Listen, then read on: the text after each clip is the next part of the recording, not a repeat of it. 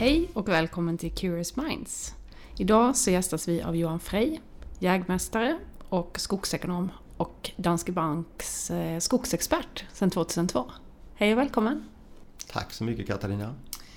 Jag eh, tänkte börja med att fråga dig som skogsexpert, varför är det så viktigt att bevaka vad som händer inom svensk skogsindustri? Ja, det är väl enkelt att förstå. Det är ju Svensk skogsindustri och svensk skogsnäring är ju något av det viktigaste Sverige har. Det är ju liksom Sveriges vagga och eh, det är ju en av Sveriges i särklass viktigaste exportnäringar. Alltså skogsindustrin står för en tiondel av exportvärdet. Och det kanske kan upplevas som lite, men då ska man komma ihåg att det är väldigt liten andel import ifrån skogen. Utan det är ju, vi producerar ju allting själva här. Va? Så det gör ju, bygger du en lastbil så är det en väldigt stor del import. Men i skogen så är det ju svenska produkter som vi skickar ut. Och exportdelen av det vi producerar i skogen är enormt stor. Och hur skulle du vilja säga att eh, svensk skogsindustri mår just nu? Om man tar tempen på, på den näringen. Ja, det är en otroligt spännande period nu för att eh, det det är många saker som händer. Dels, jag har ju inte hämtat mig efter det här med Donald Trump nu och man kliver av klimatavtal. Men skogen har faktiskt en del i möjligheten att för, liksom förhindra den här klimatförändringen. Va? Genom koldioxidinlagring då, eller kolinlagring. Så att, eh, det är ju en viktig del. Eh, sen är ju skogen den enda näring i Sverige vill jag hävda som kan vad ska jag säga, utveckla Sverige som helhet, svensk landsbygd. Det är faktiskt den enda näringen tror jag som kan göra det. Och sen just i denna stund nu då så händer det fantastiska att man har den största investeringsvågen någonsin i svensk skogsindustri. Och det var ingen som hade trott för några år sedan. Eller ja, det ska jag inte säga, men det var i alla fall inte jag trodde det. Så att eh, då la man ner en stor del tryckpappers baserad industri och det såg så väldigt mörkt ut. Och nu står vi med ett, eh, stora, stora investeringar som är på färdigställer igång och kör, köra igång eller byggs nu. Va? Och det är klassisk svensk pappersmassa. Så det är jättespännande. Det ser från att ha sett sådär ut så ser det väldigt positivt ut. Och jag har hört lite rykten om att eh, globala marknaden för trävaror just nu är superhet. Mm. Och att det slås ett rekord. Ja. Vad är det för något rekord? Eh, om vi går in på trävarusidan. Skogen är ju mycket, det är ju det som jag pratar om nu där de stora investeringarna är. Det är ju på eh, papperssidan då, massa. Det är ju det man kokar då. Eh, för skogsägarens del så är det ju de här trävarorna. Det är ju plank och brädor. Det är det vi bygger hus av. Det, det är Eh, Eh, det är det som är det allra viktigaste för skogsägaren. Det är det man syftar hela sitt, det är det man driver hela sitt skogsbruk för från början till slut för att få bra timmer då som man ska såga.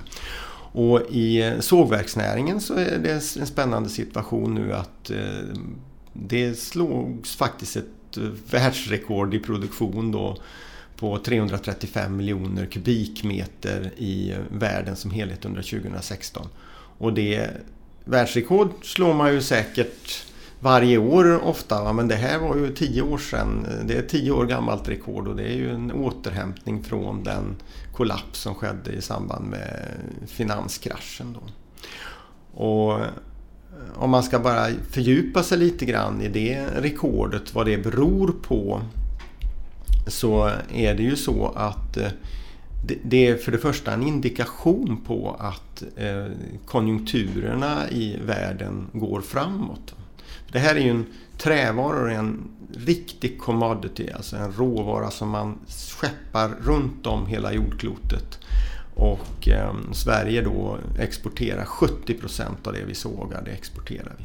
Och det är Kina som har Eh, det, var drabb, det drabbade, eh, finanskraschen så drabbades hela västvärlden framför allt. Va? Och, men det är Kina som har stått för en stor del av den här återhämtningen. Och, och det, det, är ju astronomiska tal. Alltså man, man importerar ju nu eh, två miljoner kubikmeter i månaden och det är en uppgång på, om jag inte minns fel, 40 procent på två år. Eller sånt där. Så att eh, det är väldigt, väldigt spännande och det ser positivt ut. Och när vi frågar eh, sågverkssektorn hur man upplever situationen nu så, så är det egentligen så att man, det är ingen marknad som är dålig egentligen utan det, det ser bra ut på alla marknader.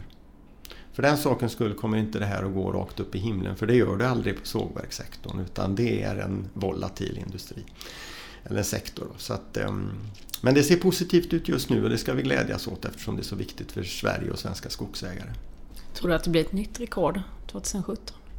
Eh, det är ju inte alls omöjligt utan ja det tror jag. Det, det, tror jag. 2017 tror jag kommer och det skulle jag bli jätteförvånad om det blev ett nytt rekord 2017.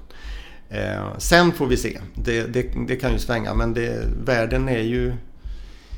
Det händer mycket i världen nu och, och, det kan vara mycket faktorer som gör att eh, till exempel byggandet stannar av i vissa delar och sådär. Så, så det, det, är svårt att sia. Men just för tillfället ser det mycket positivt ut.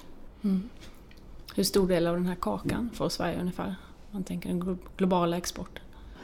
Ja, det är ju en, alltså den globala exporten exporten är ju vad är den, 125 miljoner tror jag den är på. Vi, vi står för en tiondel av den globala exporten av trävaror tror jag Sverige står för.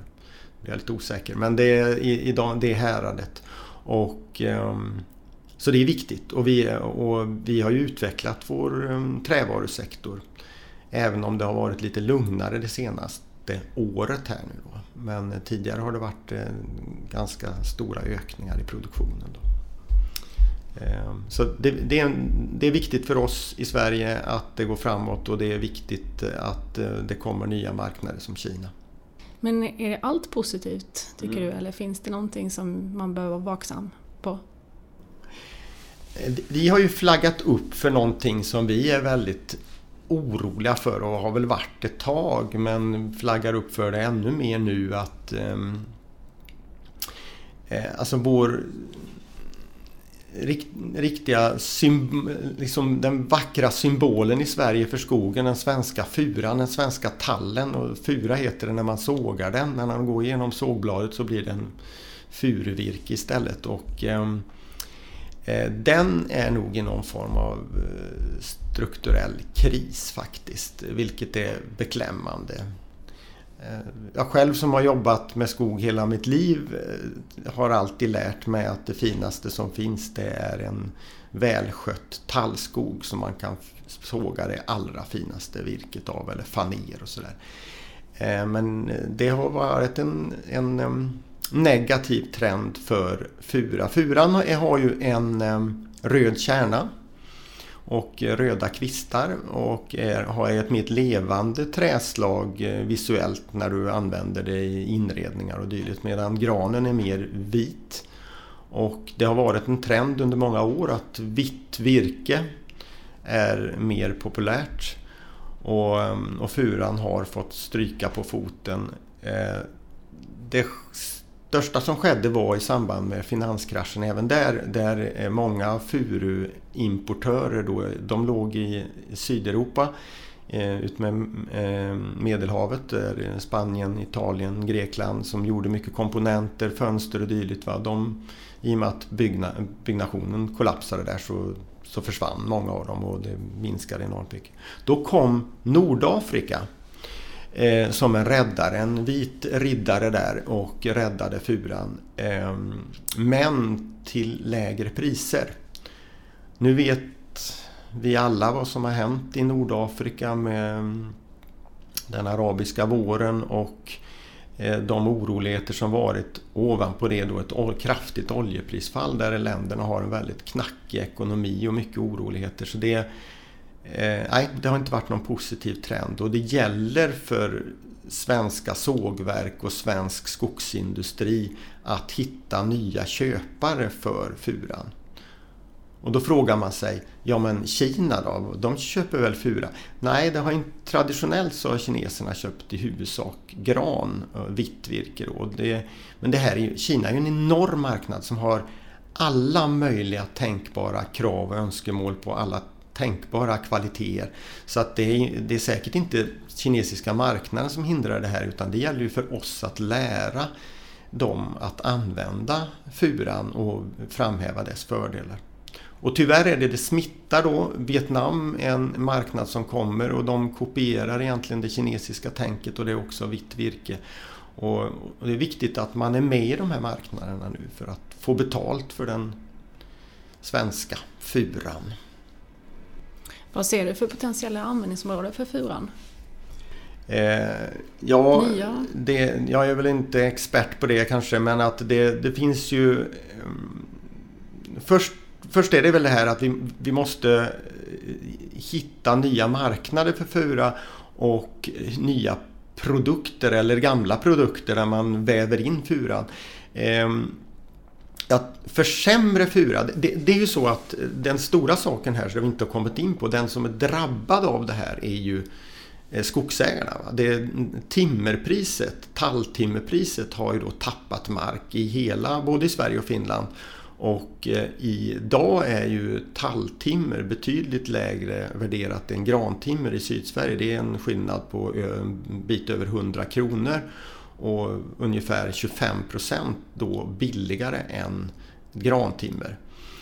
Eh, så att det här är ju en, alltså det här påverkar ju skogsägarna direkt. Va? Och eh, vad, vad, man nu ska hitta för användningsområden det är ju Jag tror att för den sämre furan i, i sämre kvalitet av fura i Sydsverige så är det att eh, det som kommer väldigt starkt nu är korslaminerat trä i solida trä, massiva trästommar för, eller element för i, byggnation. Och där kan du då precis lika gärna använda fura. Så att, eh, och vi går och väntar på den första fabriken i Sydsverige för korslaminerat trä. Det skulle vara en intressant eh, användningsområde.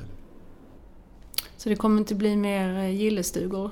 Inte mer gillestugor. Alltså den som går och nostalgiskt tänker tillbaka på gillestugepåken eller den här fjällstuga. Alla som har varit i fjällen och kommit till en lite äldre stuga där allting är i fura. Precis allting. Om ni är osäkra på hur fura ser ut, tänk på hur det ser ut i en fjällstuga. Då vet ni att det är fura. Då, ehm, den kommer, eller vi ska i alla fall inte tro att den kommer tillbaka utan vi ska få hitta andra lösningar. Tack så mycket Johan för att du Tack. gästade podden. Tack så hemskt mycket, det var kul att vara här. Tack, hej.